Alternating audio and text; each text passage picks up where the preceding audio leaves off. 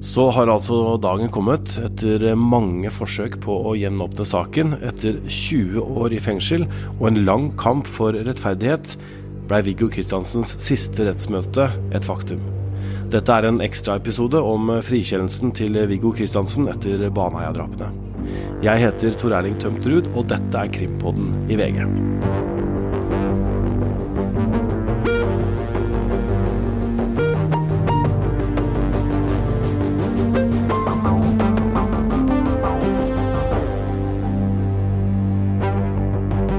Klokka ni i dag tidlig starta det formelle møtet i Borgarting lagmannsrett som skulle frikjenne Viggo Kristiansen for drapene på Stine Sofie Sørstrønen og Lena Sløgdal Paulsen i Baneheia i Kristiansand 19. mai 2000. Viggo Kristiansens advokat Arvid Sjødin sa til oss før retten ble satt at Kristiansen så fram til å få en avslutning på saken. Nei, nå skal vi endelig få avsluttet dette formelt sett. Få en dom. Og det ser vi fram til. Og det ser familien fram til. Hva sier Viggo Kristiansen om det som skal skje her eh, disse dagene? Nei, Han har jo forventninger til at eh, det skal bli bra. Og så blir det jo et psykologisk avslutning for han. Og det er veldig viktig å få nå at han får et punkt til hvor det avsluttes. Det skal utmåles en straff nå. Hvilken grad er dere akkurat enige om hva den straffen bør være? Nei, sånn Delvis enig eh, vil en være, men eh, det ble nok en diskusjon. Men jeg tror ikke det blir noe stort poeng i saken. Det nærmer seg jo nå et endelig punktum for Viggo her. Da. Hvilke tanker har han gjort seg rundt det som skal skje her inne nå de neste dagene? Han håper at dette skal bli en avslutning, sånn at han og andre òg får føle at dette som har pågått i så mange år, nå blir avsluttet. Det er det viktigste. Jeg måtte være hjemme mens dette foregikk i dag, med en litt eh, syk eh, toåring. Og jeg er ikke helt i form sjøl heller, men, men, du fikk jo være deg, Øystein. Eh, og først og fremst, kan ikke du beskrive den stemningen som er når sal 11 i Borgarting lagmannsrett blir åpna? Det er jo alltid alvorsting av omgivelser i retten. Det er alvorlige saker som regel, i hvert fall når vi er der. Og denne gangen var det jo en veldig, veldig spesiell sak. Så jeg var der oppe borte allerede før de åpna dørene klokka åtte. Og det var mye pressefolk, og det var en del eh, tilhørere. Det var eh, politifolk som etterforska saken nå. Ehm, det var støttespillere fra Viggo Kristiansen som har møtt opp, og selvfølgelig da aktørene. Statsadvokatene, eh, bistandsadvokatene og ehm, aktoratet. Og etter hvert så ble jo da retten satt, og så har det vært en ganske lite dramatisk, hvis det går an å bruke det uttrykket, rettssak. fordi at eh, det er sjelden påtalemyndigheten og forsvarerne er enige i eh, hva som bør bli konklusjonen. Men her var det jo det, og det visste vi jo på forhånd. Så selve innholdet i rettssaken var ikke preget av diskusjoner og stor uenighet, men rammene rundt er jo dramatiske. Det er et justismord som skal avsluttes, i den grad man kan gjøre det på denne måten. Jeg fulgte med på VGTV, som sendte hele eh, saken i dag. Det var på en måte en sånn dempa atmosfære. Som sier ikke noe krangling og sånt inn denne gangen, men, men man la fram da sine eh, argumenter da på, på, sin, på, sin, måte. Men, men Viggo Kristiansen var ikke der i dag. Hvorfor ikke det? Nei, Han kunne vært det, men han eh, ønsker jo ikke, ønsker ikke å være her. Og han eh, kommer jo da til å være der på torsdag, er det sagt. Men han uh, kunne som sagt velge det, og det er jo lett å forstå at man uh, ja, ikke har lyst til å være der også. Det har vært en uh, enorm belastning for han å bli feilaktig trukket inn i Baneheia-saken.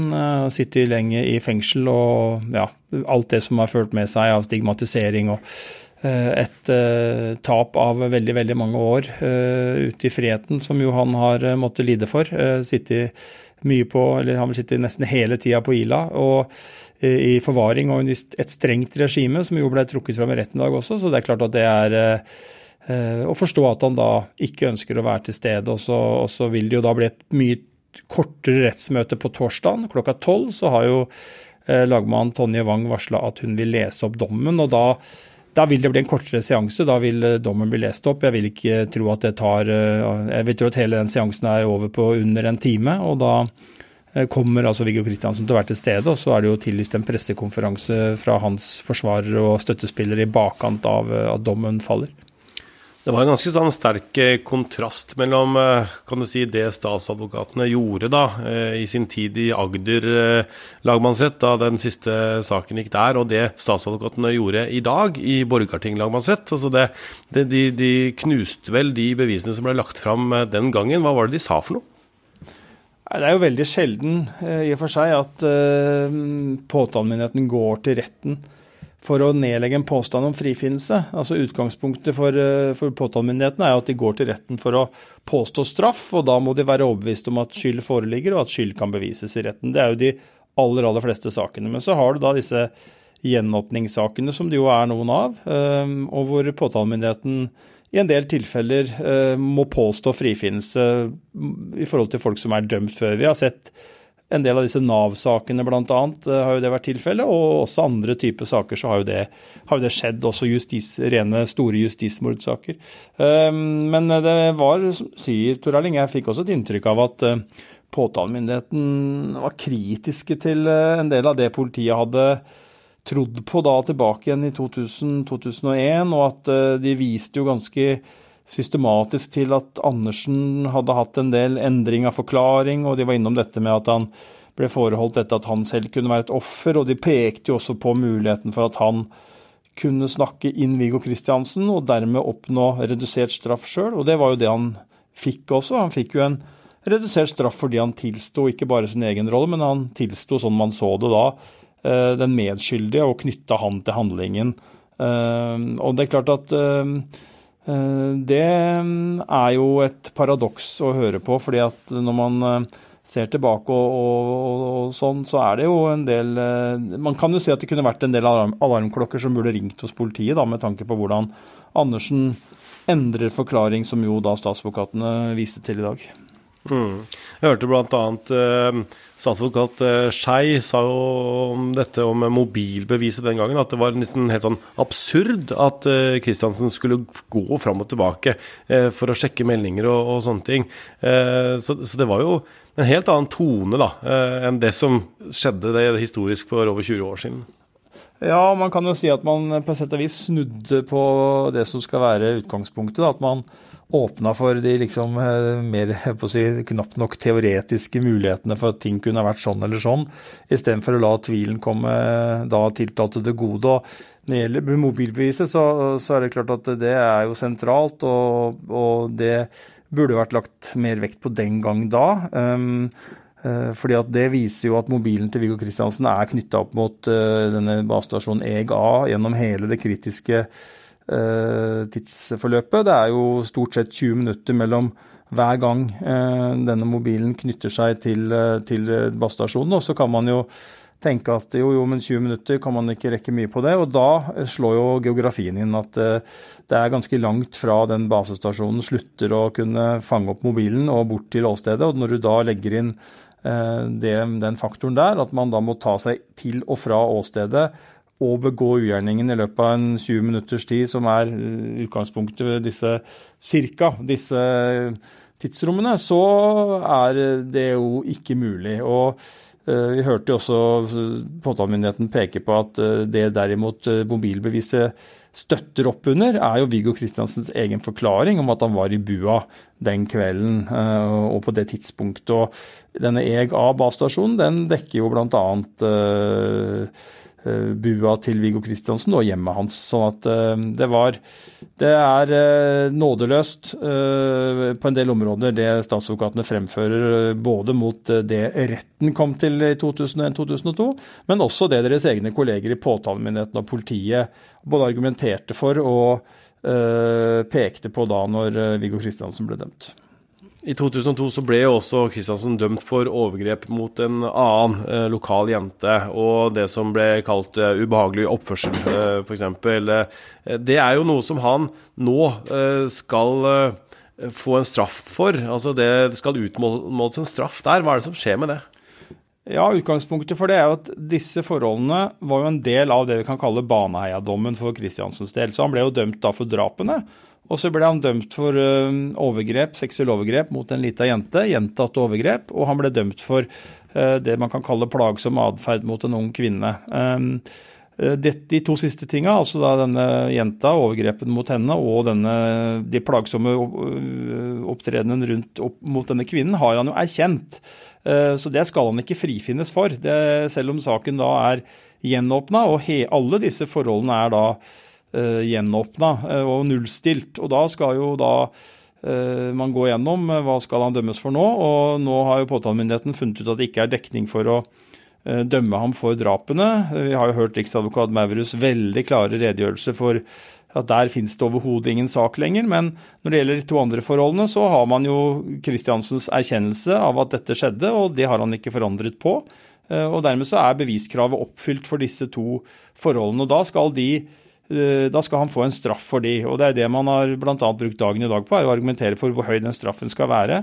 Og så er det viktig å si at dette er jo selvfølgelig en straff som for lengst er sonet, og mye mer enn det. Eh, han, vi har jo hørt aktoratet be om en straff på ti måneders fengsel. og da er det ut fra, det er også viktig å si Tor Erling, at da er jo det en straff som er eh, vurdert ut fra datidens eh, straffenivå for disse forbrytelsene.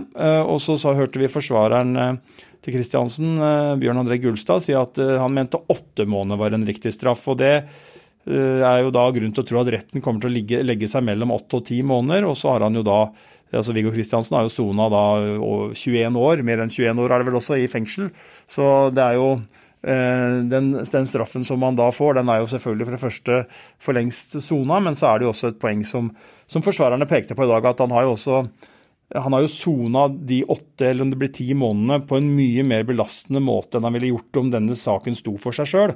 Han har jo sittet i forvaring på Ila. og hvis han hadde blitt, eh, ikke hadde blitt trukket inn i Baneheia-saken, men bare dømt den gang da for det han erkjente å ha gjort, så ville han kanskje fått en ungdomsstraff eller fått et helt annet fengselsopphold med mye mindre strengt regime rundt seg. Så det er ganske mange aspekter som slår inn i den saken her, og man ser også at det er veldig mange aspekter som og, og, at Baneheia-damen har fått veldig mange konsekvenser for Kristiansen. Ikke bare at han har sittet 21 år i fengsel, men det slår inn på bl.a. sånne ting at at han har fått eh, det han da faktisk skulle sone, har han sona eh, mye strengere, hatt mye strengere soning enn han skulle ha fått. Bistandsadvokatene til foreldrene til eh, Lena og Stine Sofie var også på plass i retten i dag. Vi skal høre litt hva Håkon Brekkhus sa før retten var satt i dag tidlig. Hvilke tanker gjør du deg om rundt det som skal skje i dag? Nei, jeg tror dette kan bli en, en grei dag. Det, der For vår del så er det jo at vi gir uttrykk for våre synspunkter. da. Mm. Dere hadde jo ønsket en, en full rettssak. Hvorfor det? Eh, nei, for Da kunne man fått belyst alle sider av saken. Og så ville man forhåpentligvis kunne, kunne få en uh, avgjørelse som flere kunne slutte seg til, da, enten hadde blitt det ene eller det andre. I hvilken grad ser dine klienter på det her som en uh, avslutning på Baneheia-saken? Ja, Nå har politiet selv sagt at det fortsatt pågår en etterforskning. Så jeg tror det er for tidlig å si at det er en avslutning. Hvordan har de det nå? Eh, nei, jeg tror de har dette forholdene helt fint, jeg. Mm. Vil de være til stede under eh, rettsdagen her i Oslo nå? Nei, det vil de ikke. Mm. Ja, og Brekkhus holdt jo også sin eh, kall det, prosedyre i retten, og det var ganske sterke ord. Han eh, trakk jo fram eh, hvordan beskrivelser av hvordan disse jentene var, osv.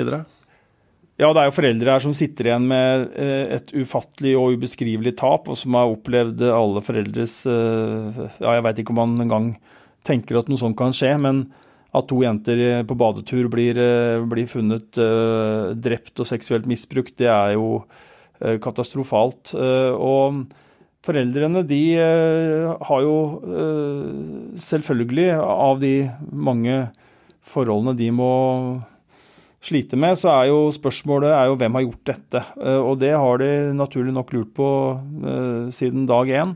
Uh, og de har jo da blitt uh, forelagt et svar fra både politi, påtalemyndighet og domstol om at det er Jan Helge Andersen og Viggo Kristiansen. Og så har de trodd på det, naturlig nok. De har hatt tillit, som Brekkhus sa, til, til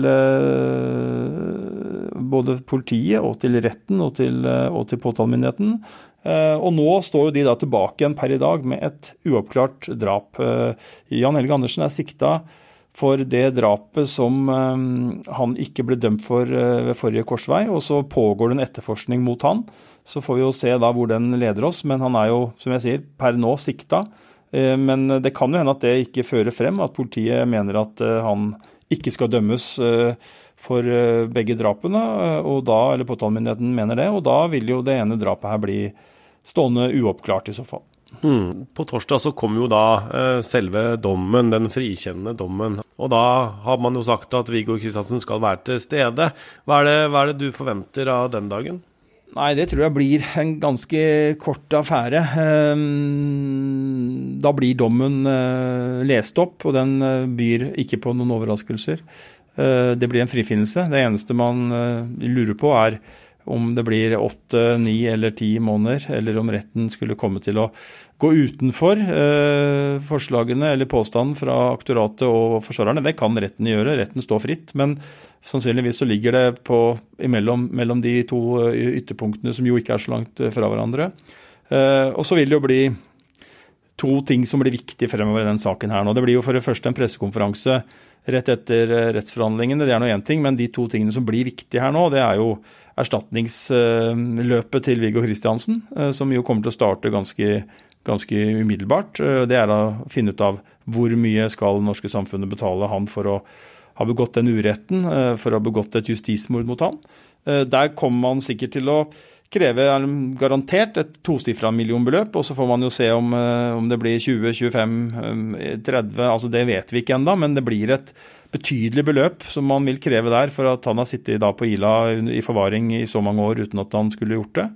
Eh, mer enn 20 år uskyldig dømt til fengsel. Og så er det jo, som vi er inne på, den andre biten. Det er jo etterforskninga mot Jan Helge Andersen. Den pågår, eh, og den har jo nei, unnskyld, riksadvokat Maurud sagt at skal eh, intensiveres nå da etter at man i oktober varsla at man nedla påstand og kom til å nedlegge påstand om, om frifinnelse for Viggo Kristiansen, så varsla også Maurud at man nå intensiverte etterforskningen mot Jan Helge Andersen. Og da blir jo det da det neste som går i straffesakssporet, det er å finne ut av om han kan, om bevisene er gode nok til at han ikke bare skal siktes, men eventuelt tiltales. Eh, og så vil jo retten måtte ta stilling eventuelt til om han også skal dømmes. Og da uh, gjenstår det å se hva som blir utfallet av det. Det viktige å si er jo at han selvfølgelig har krav på den rettssikkerheten uh, som alle andre skal ha, uh, og at det er viktig å minne om uskyldspresumpsjonen, at han er uskyldig inntil det motsatte er bevist, og det ikke oppstår en forhåndsdømming mot Jan Helge Andersen her. Det har vi jo kanskje sett antydninger til at, at foregår rundt omkring. Krimpodden kommer tilbake på torsdag vi med en episode om avgjørelsen som kommer i Borgarting lagmannsrett. Det blir jo da den torsdagsepisoden vi legger ut, så da kommer ikke den helt tidlig på morgenen, men litt seinere på, på, dagen. Med meg fra retten var VGs krimkommentator Øystein Milli. Produsent for Krimpodden er Vilde Våren, og jeg heter Tor Erling Tømtrud.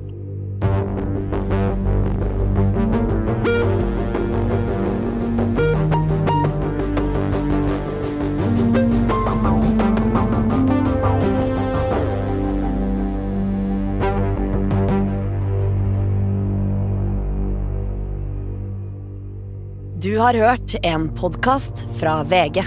Ansvarlig redaktør, Gard Steiro.